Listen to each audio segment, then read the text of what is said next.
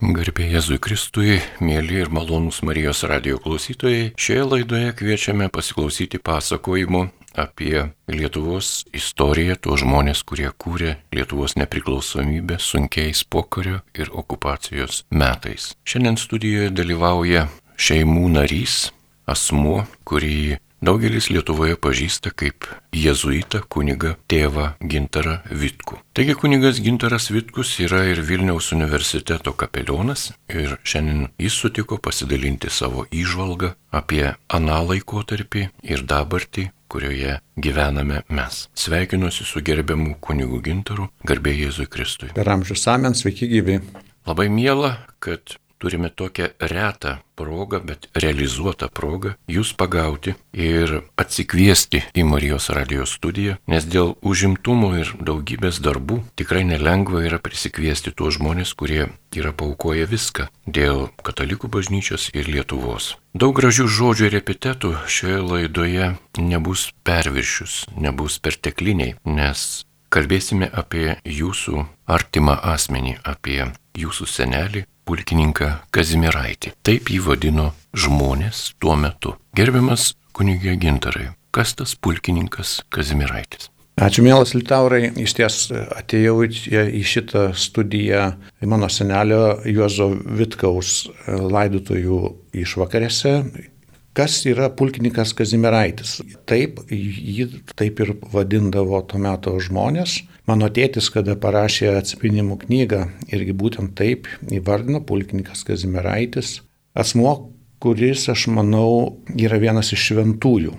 Aišku, jo byla dar net jokio nepradėta ir aš abejoju, ar mes pradėsime, bet e, kiek aš skaitau apie jį, iš kiek prisiminimų gali surasti kitų partizanų, jo laiškus, jo sūnų ar dukros prisiminimų. Tai tas vaizdas apie šitą žmogų yra toksai. Yra brandus, išsipildęs vyras, kaip asmuo krikščionis, kuris sugebėjo suderinti na, gilę meilę moteriai, tada imtis savo atsakomybės kaip vyras, šeimos žmogus, susilaukė septynių vaikų, priemė tos moters meilę, kuri turbūt padėjo jam irgi būti gerų karininkų. Ir tada studijose, kurias jisai čia ir Lietuvoje pradėjęs dar 21 metais, vienas iš ketvir, nu, ketvirta laida yra kariūnų, junkerių vadinamo, kuris dar irgi pakariavo ir nepriklausomybės kovose. Na, o paskiau technikos kursus, karo technikos kursus baigęs ir tada Belgijoje, Bruselėje studijavęs karo inžineriją, vėlgi su nu, gerais įvertinimais baigęs, ten kalba, kad jisai antras po ten princo Alberto taip pat studijavusio tais metais.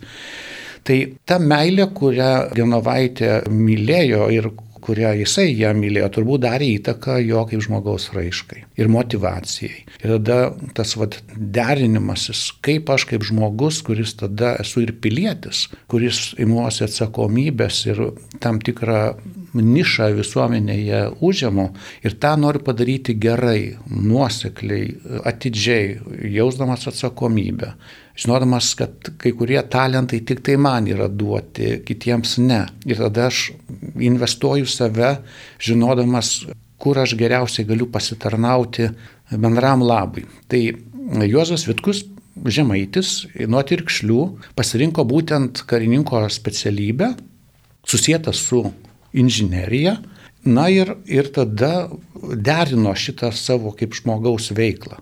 Ir mes, jeigu prisimename Platoną, Platonas kalbėjo apie kelias, nu, tokius kelis lygmenius, kada tavo kaip mylinčio žmogaus raiška gali pasireikšti. Pirmoji rušis tai ta konkreti meilė erosas, nukreipta į konkretų žmogų, į artimą. Tai aš ir įvardinu, kad mano senelis iš ties kaip vyras mylėjo savo žmoną Genovaitę ir jų meilėje jie abu augo ir leido jų artumoje atsirasti vaikams.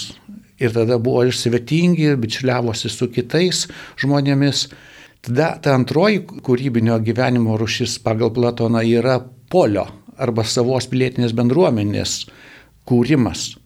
Ir, reiškia, kada kūriami namai, kuriama valstybė, pilietinė, pilietinė visuomenė. Tai vėlgi dalyvauja įvairiuose sąjūdžiuose visuomenės, kaip karininkas, kaip kariškis ir tada kaip profesionalas. Ir Platonas taip pat kalba apie trečią rūšį, tai tos tiesos, grožio kūrybos, poesis, kada tu jautrus esi bet kuriam grožiui. Ir atsimenam, Abramo Maslovo piramidės viršūnėje yra gebėjimas grožėtis, poreikis kurti grožį. Tai, tai vėlgi Kazimieraitis savo raštuose, laiškuose rašydamas, jisai mokėjo grožėtis. Ir tas gražiai reikštis, kalbėti laiškus jo, kada skaitome, nustebina branda. Ir tada Mane kaip jezuitą labai įkvepia ir aš kodėl kalbu, kad jisai yra šventasis. Jisai rašydamas laiškus tiek iš Briuselio, kada jam buvo labai sunku jauti vienatvę, ką tik vedęs vyras, e, palaidojęs pirmgimį, jisai nuvažiuoja jau tada mokytis į, į Briuselį, aistra moteriai, savo žmonai, O čia turi ruoštis egzaminams, tai jisai laiškus rašydavo kas 2-3 dienos. Ir jisai tokius laiškus rašo, kad nustembi, kiek kilnumo, kiek gebėjimo reikšti savo jausmą, savo ryšį, savo ilgesį moteriai. Tai ir tada laiškai iš miško, iš partizanavimo laikų, kuriuose tu atminti, kaip jisai tą grožį gamtos jaučia ir kaip tada vertina savo atsakomybę kaip pilietis, kaip žmogus ir kaip šeimos vyras. Įvardina, jaučiu priekaištus sąžinės, kad apleidau jūs pokario laikotarpis, kuris, kurio metu badas žiūri akis. Ir jisai tada nu, rašo, kad mano maldose jūs esate, tada dėkoju Dievui, atsiprašau už jūs, kad negaliu padėti, pavedu jūs Dievui, prašau Marijos globos ir tai, ką aš šiandien iškenčiu su savo tais vat, vidiniais svarstymais, vienatvė, kurią atsiskirimas nuo šeimos kelia, aš visą skiriu didesniai Dievo garbiai. Aš tą vargą, tą skausmą, tą praradimo jausmą, kad negaliu būti su kartu su kitais savaisiais, aš tada ir tada savo kovos visus sunkumus skiriu už kenčiančius, skaistykloje. Nu, ir, ir tas pasakymas, kad visa tai yra didesniai Dievo garbiai, man kaip ježuitai nu, labai kalba apie to žmogaus brandą. Jisai nerašo ir nekalba parapijos susirinkime, nekalba kažkur tai e, būdamas, būdamas e, kokiam nors suvažiavime krikščioniškame ar ateitininkų, ar ne, jisai rašo savo žmonai. Ir žinai, ir kalbėdamas, va, įvardinamas savo tas pažiūras. Aš galėčiau net ir, žinai, pacituoti. Tai ypač labai man sąžinė išmetinėja mano kaltes prieš tave, mano brangiausiųjų genutė, kad tave su tokiu dideliu vargeliu apkroviau, o tau ypač šiais sunkiausiais laikais negaliu padėti. Vienu kuom raminuos, Tai viltimi, kad gailestingiausioji motina Marija, švenčiausios šeimos globėjas šventasis Juozapas ir saldžiausiai Jėzaus širdis mano maldų išklausys ir savo globa brangiosios šeiminėlės neapleis, išsaugos juos nuo piktų žmonių akių ir rankų, sustiprins jūsų kantrybę, visus vargus ir rūpeščius pakelti ir surėdis taip, kad bent kasdienės duonos nepritrūktų. Jūsų intencija kasdien, rytą ir vakarą karštai melžiuosi. Mano gyvenimas taip paskirstytas. Maldos mano brangiausiai šeiminėliai, kad jūs Dievas išlaikytų, globotų ir vestų didesniai Dievo garbiai ir kad greičiau sugrįžtų į pasaulį tiesa ir teisingumas. Mano darbai Lietuvai tėviniai, mažinant neteisybės, kreudas, godžiant nusiminusiuosius ir vilties nustojusiuosius o mano vargai bei nepritekliai, patirtas šaltis, nuovargis, darganos ir gilus širdies skausmai, išgyvenimai už skaistykloje kenčiančias sielas. Ir tada jisai kalba vėl jau apie konkrečius dalykus. Bet čia laiškas iš miško prieš maždaug pusmetį iki jo žuvimo, reiškia, reflektuojant, svarstant savo gyvenimo ir, ir jo vertę, jo prasme. Ir tada tos dilemos, kurios yra tokios sunkios. Tai pulkininkas Kazimieraitis kuris niekada nevilkėjo partizanų audamas kariškos uniformos, niekada nesifotografavo, nėra ne vienos nuotraukos, nes norėjo save ilgiau neiššifruota išlaikyti, kad ir šeimai nebūtų tada turbūt problemų ir kad šiaip, kad tai, ką jisai sukaupęs tą teorinį kaip karininko pasirengimą, mokėjimą organizuoti ir statyti pasipriešinimo įrangas, karo inžinierius, bunkerių visas menas. Tai šitas žmogus, norėdamas tada suvienyti partizanus, daryti jų veiklą tikslingą, civilizuotą, kiek įmanoma partizaninio karo sąlygomis, kad karys nebūtų baisus ginkluotas vyras kaip plėšikas, o kad jisai būtų kodekso, garbės kario kodekso besilaikantis kariuomenės karys, Lietuvos pasipriešinimo armijos karys. Tai jis visą tai bandė įdėkti ir kartu jo veikla buvo tokia kukli, tokia paprasta. Jo iš tiesų jų daugelis partizanų iš išorės net pažindavo. Būdavo tėvukas kažkoks tai su civiliniais rūbais apsirengęs. Tai vad aš iš tai ir kalbu apie jo tą šventumą, kai dera kilnios mintis, siekimas aukštų idealų su tikra raiška, kada elgesys, kada gyvenimo būdas yra ir kuklus, ir atsakingas, ir tada nebijantis pakelti skausmo, praradimų, atsisako komfortų, eina į kažkokius suknistus bunkerius, šlapiom kojom, rudenį dabar va, mes žinome, kaip laidosim, 2-3, jeigu ten dar 7 laipsniai, jeigu dar gana lietus, tai gali valandas 2-3 bet būtų gerai, kada paskui persirengti ir vėl į šiltą, šiltos arbatos gauti. Tai partizanai dažnai viso šito neturėdavo. Tai ta vadinama aukos dvasia, mokėjimas apsiriboti, nukesti, ištverti ir neprarasti tos nuotaikos kilnios, o neprarasti tada ir netapti pagižusių, piktų, kerštingų, norinčių atsigriepti ir tada siūsti visus velniop. Tai va šito žmogaus, kaip ir liūdė partizanai, ta raiška buvo tokia, kad matė jį besimeldžiantį, pergyvenantį dėl savo bičiulių žūties, besimeldžiantį prieš kovą, po kovos, visą laiką, reiškia, su Dievu tą kasdienybę siejantį. Tai aš manau, kad štai jisai yra iš tiesų maldingo kario pavyzdys, e, etalonas.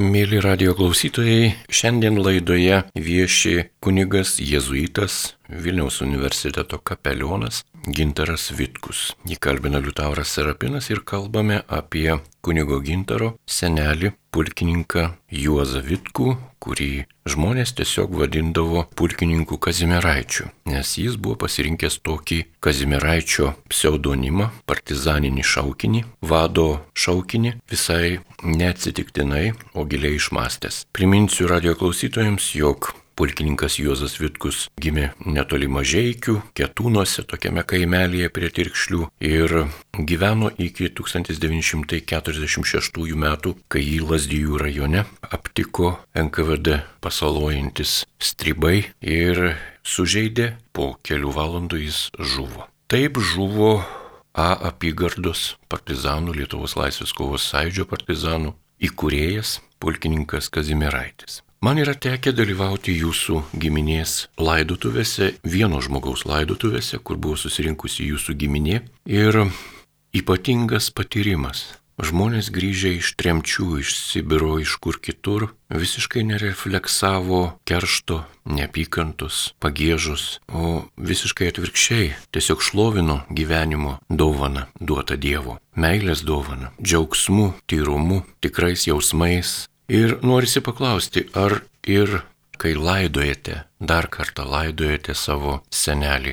Ačiū Litaurai. Suprantame, kad jisai jau 77 metus kaip gulėjo kažkur kitur. Tuos metus jisai praleido užkastas Leipalingyje, buvusios tribino kiemo patvory.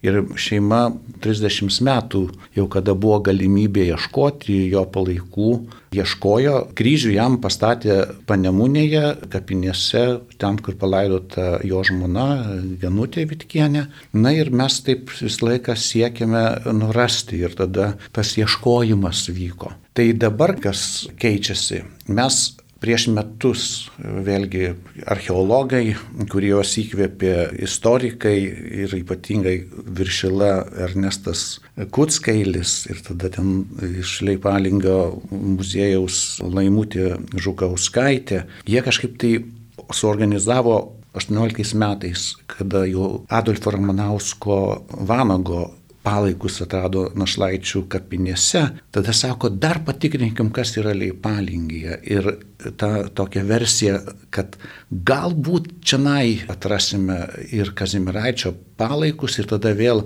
buvo ekshumuoti jau 92 metais palaidoti kapinėse, atkasti palaikai kitų žmonių ir mes nemanėm, galbūt jau dabar su DNR pagalba pavyks atrasti.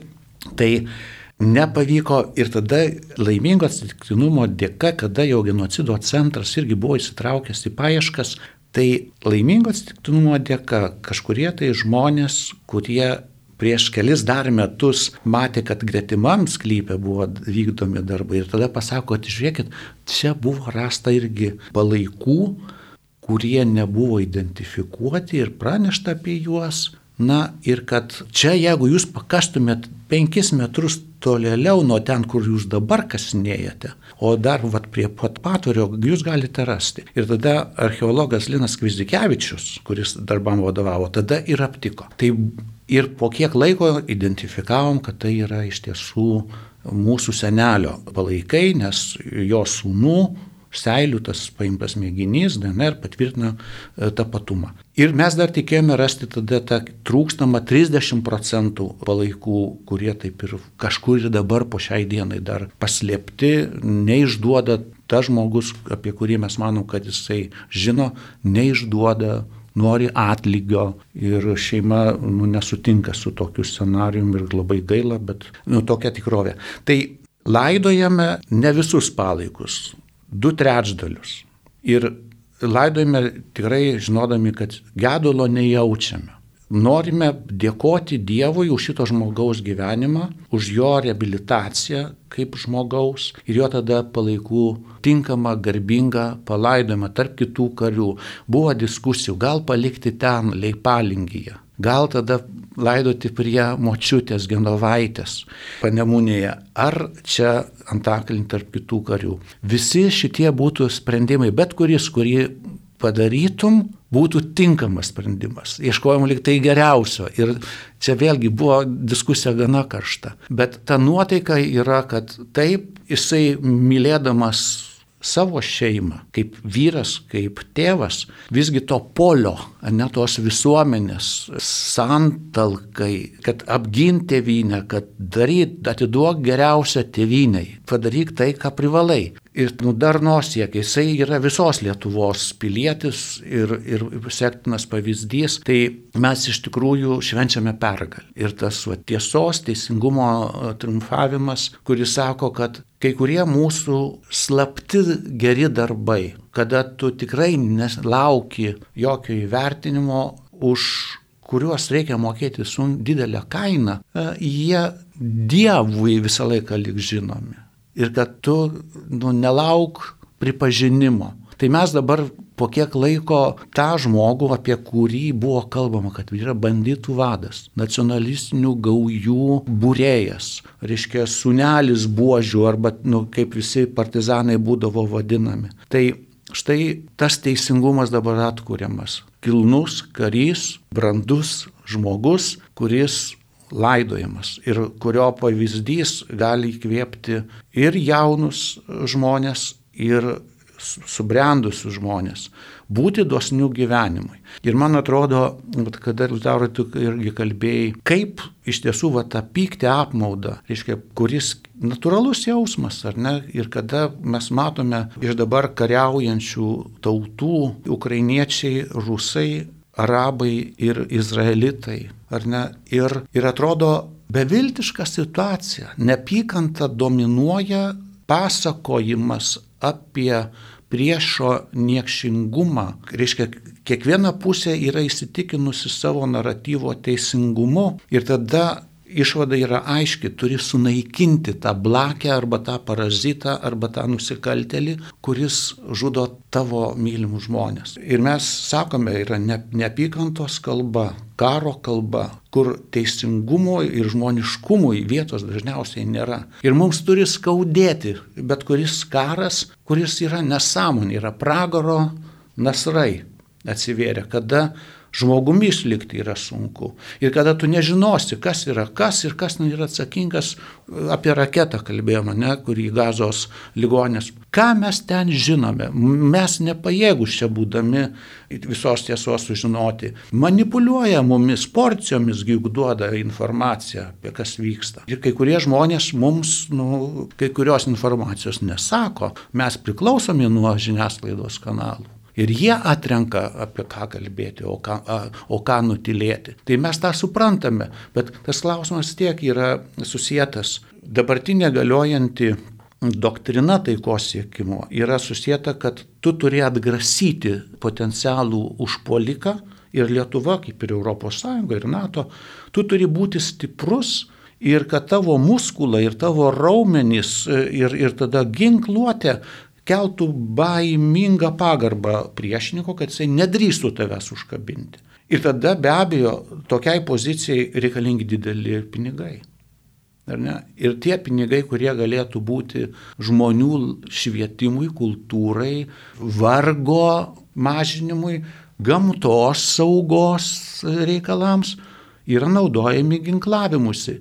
Ir atrodo, kad tai yra neišvengiama tokioj, nu, tokioj visuomenėje gyvenant. Ir turbūt protinga, bet siekis, idealas, kurį mes suprantame skaitydami vat, Kristaus gyvenimą, vis tiek yra kitoks, vis tiek yra taikos taikingumo kūrimas. Ir tada taikos ir teisingos santvarkos kūrimas kad nu, neišnaudotum, nepaverstum daiktų, nepavergtum, neužkariautum, ne, ne kaip koksai diktatorius, tironas, despotas, kito, kito nesurptum ar kitos tautos, bet kad nu, tas gerybės teisingai paskirstytum. Ir tai, kas yra utopija, bet Kristus tai atėjo apie dangaus karalystę arba Dievo karalystę čia žemėje e, kalbėti. Ir jo tas kvietimas būti e, taikingu ir tada, kad būtum taikingu, tai turi tavo taikinga širdis būti visų pirma. Ir tada klausimas, kas vyksta mūsų šeimose, kaip mes sprendžiame konfliktus, kasdieninius konfliktus. Tada kas vyksta mūsų giminėse, kas, kaip mes konfliktus ir įtampą sprendžiame savo darbovietėse, savo klasėse, mokyklose, kaip mes reaguojame, kada tuo pranešimai dabar iš proto varantis, kad sproksite 12 val. 12 minučių, kaip ką mes sakome apie tuos, kurie specialiai baugina, nori iš tos pusiausvėros išvesti, kad žmonės nerimo būtų apimti. Tai kaip mes šituos dalykus sprendžiam ir tada kokie mūsų yra politikai, užsienio reikalų ministrai, tada premjerai ir prezidentai, krašto apsaugos ministrai ir tada didžioji politika, santykiai tarp valstybių. Tai ir mes matome, ką padarė Stalinas su Hitleriu, tada per savo e, e, pasiuntinius Molotovą ir Ribbentropovą.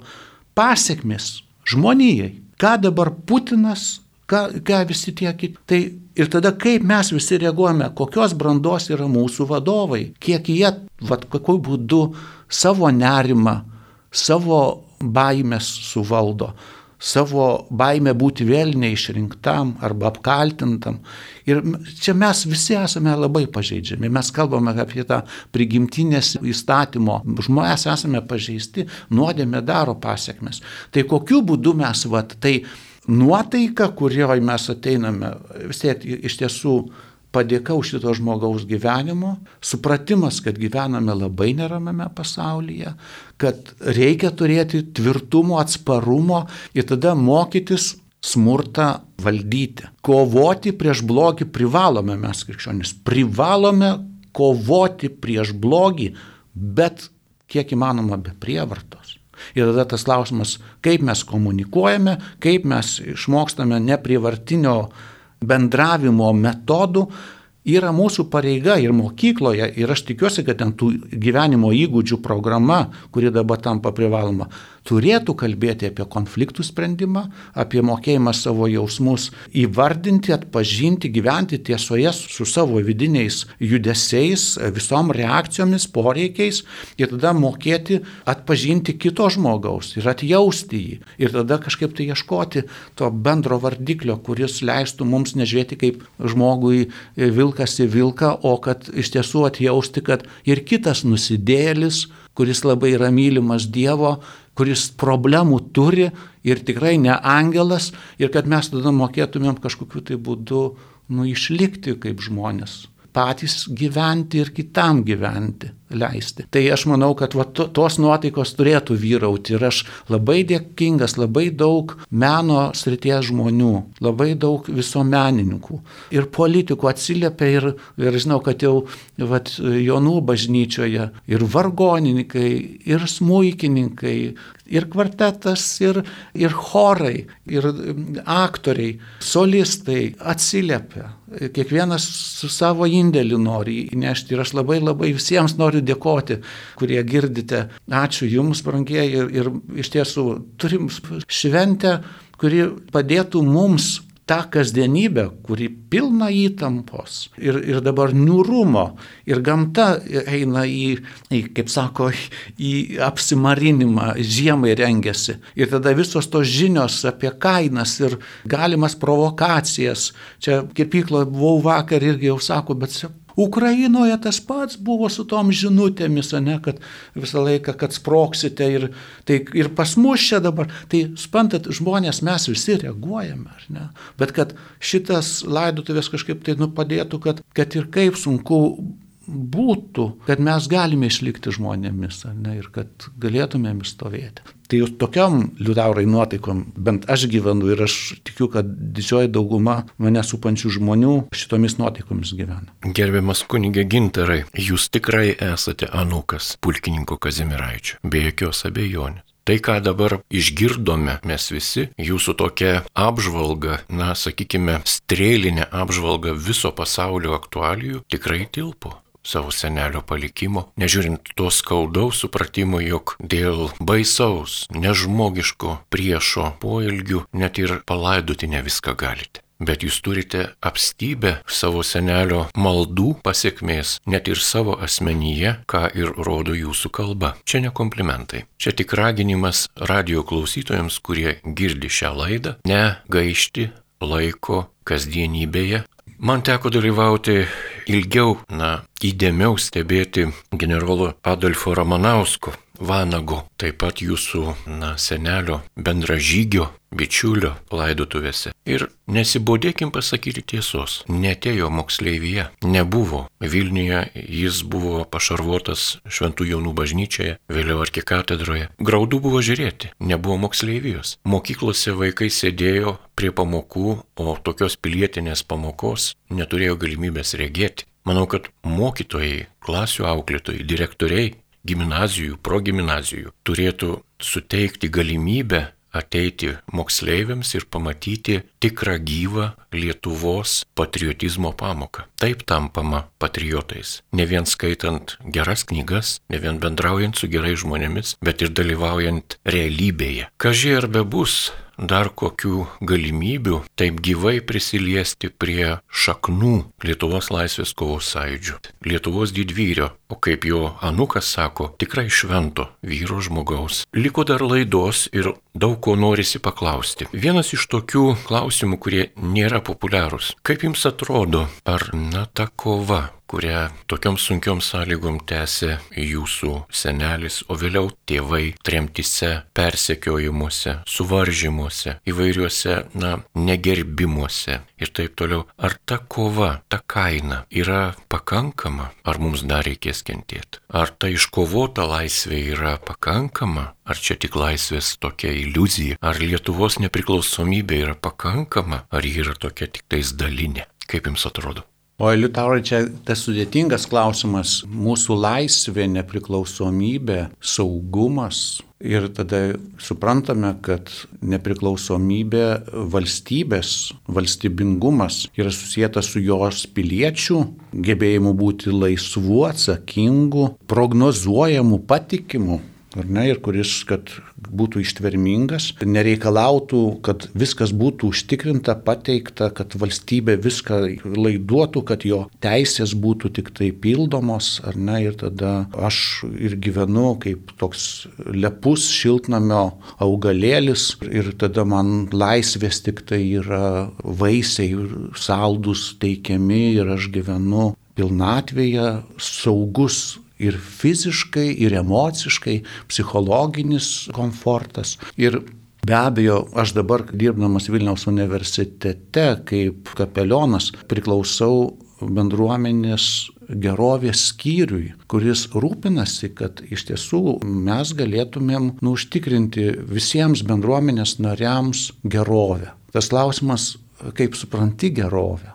Ir, ne, ir ką reiškia gerai gyventi ką reiškia būti laimingu ir gyventi pilnakrauji žmogišką gyvenimą. Tai mes suprantame, kad ne, ir jau, jau mūsų krikščioniška teologija sako, mūsų prigimtis yra labai gera, Dievas labai gerai mylėdamas mūsų kūrė. Ir pasaulio sąranga yra labai gera, bet jinai yra pažeista. Ir sakome, nors jau, nu, vat, mes, kada krikščionis kalbame apie Kristaus vaidmenį, jisai atėjo mūsų išgelbėti, jisai dangaus karalystę pradėjo kurti ir tai buvo naujas etapas prieš 2000 metų prasidėjęs ir jisai tęsiasi. Pats Kristus pakvietė mus bendradarbiauti, ne vienas viską užtikrino, vieną kartą visiems laikams, iš karto mokinius telkė suprasdamas, kad dangaus karalystė prasideda nuo širdies, vidinės mano, ir tada tarp žmonių, dangaus karalystė yra tavyje ir tarp mūsų. Kristus netėjo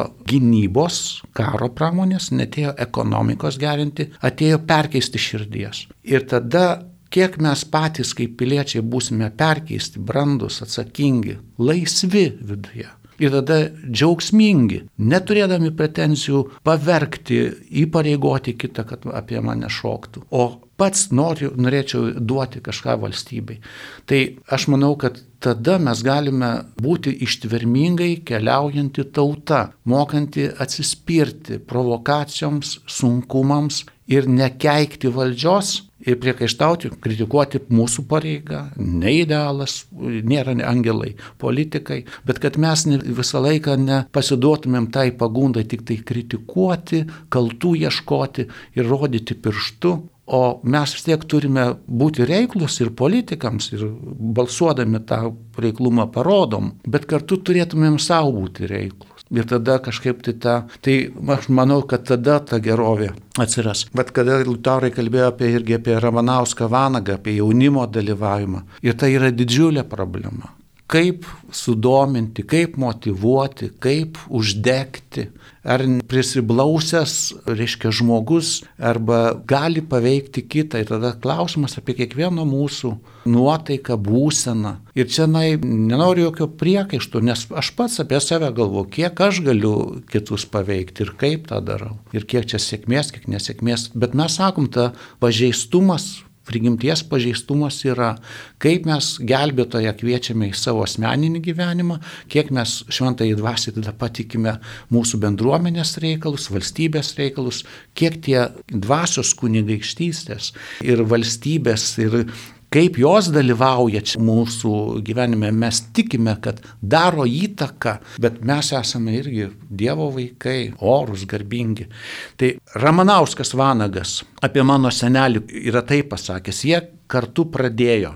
Juozas Vitkus Kazimiraitis buvo pulkininkas, leitenantas su patirtimi ir kvalifikacija ir Ramanauskas iš tikrųjų laikė, kad jisai mokytojas yra buvo. Ir ką jisai rašė. Kartais ištisas dienas bunkeryje būdavome tik su Kazimiraičiu. Poilsio valandėlėmis labai nuoširdžiai ir atvirai pasikalbėdavome. Tų darbo ir poilsio valandų niekuomet nepamiršiu. Daug ko aš pasimokiau iš Kazimiraičio ir jis man tapo darbo kelrodžių vėlesnės, vėlesnėje partizaninėje veikloje. Vieną kartą, kai mes kalbėjomės pogrindžio reikalais, Kazimiraitis man pasakė, kad jis sutiktų pasiduoti priešų ir kentėti kančias, jeigu toji jo byla būtų išgirsta užsienio ir turėtų teigiamos reikšmės pogrindžio autoritetams pakelti Lietuvos laisvinimo bylos eigai. Kazimiraitis niekuomet nemėgdavo švaistytis tuščiais žodžiais ar klausytis tauškalų. Tokį Kazimiraičio pareiškimą vertinu kaip jo kraštutinį pasiaukojimą tėviniai. Kartą tarp mūsų prasidėjo gyva diskusija dėl partizanų pasidavimo į priešų rankas. Aš buvau ir tebesu tos nuomonės, kad kiekvienas partizanas turi būti iš anksto apsisprendęs gyvas, nepasiduoti priešų į rankas ir esant beviltiškai padėčiai pats nutraukti savo gyvybės siūlą. Kazimiraitis pareiškė, kad jis esant beviltiškai padėčiai nenusižudytų, bet jei pakliūtų priešų ypatingomis aplinkybėmis, kentėtų iki galo. Šį apsisprendimą jis buvo padaręs iš savo gilaus religinio įsitikinimo įsitikinimo ir vadovaudamasis tuo, kad žmogus nėra ir negali būti savo gyvybės viešpats. Ir šitas teiginys, žiūrėkit, kaip gavosi paradoksiškai. Adolfas Ramanauskas Vanagas buvo baisiai nukankintas, jam nepavyko pasitraukti. Mano seneliu tuo požiūriu pavyko geriau. Jisai išvengė kankinimų, buvo nukautas bet jisai buvo pasiryžęs kentėti kankinimus, bet pats nekelti e, rankos prieš save. Mes negalime būti teisėjai nei vieno žmogaus atveju, kuris nusižudo ir dabar. Nežinome, kas darosi, kokie pragarai, kokia nevilties bedugnė atsiveria. Bet tas noras gyventi išgyventi, orumą savo apsaugoti ir net kančioje, net apleistume, beviltiškose situacijose turi nu, nu, atsispindėti mūsų tuose principuose, vertybinėse nuostatose. Turim gyventi ir kitam padėti išgyventi, oriai išgyventi, padėti gyventi. Tai tegul Dievas laimina ir aš dėkoju labai seneliu už šitą principą, gyvybės kultūros principą, kuriuo jisai tikėjo. Taigi pabaigai, gerbiamas kunigė Gintarai, dėkojame Jums, gerbiamas kunigė Jėzuitė Gintarai, už pasakojimą apie savo kasdienybę yra vainikuojama Jūsų senelio gyvenimo garbės vainiku. Dėkojame Jums už tuos nematomus darbus, kuriuos padarėte iki šios dienos, kad šiandien galėtume triumfuoti tiesoje, meilėje ir tikėjime. Dėkojame jūsų artimiesiems, jūsų šeimos nariams, jūsų kolegoms, vienuoliams, kunigams, kurie kartu su jumis kasdieną eina į kovą, į kovą dėl kiekvieno žmogaus, kiekvieno Dievo kūrinio. Taigi šiandien laidoje apie pulkininką, leitenantą Juozą Vitkų Kazimiraitį, jums, mėly radio klausytojai, pasakojo pulkininkų anūkas, kunigas, gydytojas, ateitininkas, pedagogas, jėzuitas Gintaras Vitkus, Vilniaus universiteto kapelionas. Įkalbino Liutauras Serapinas, likite ir toliau su Marijos radiju.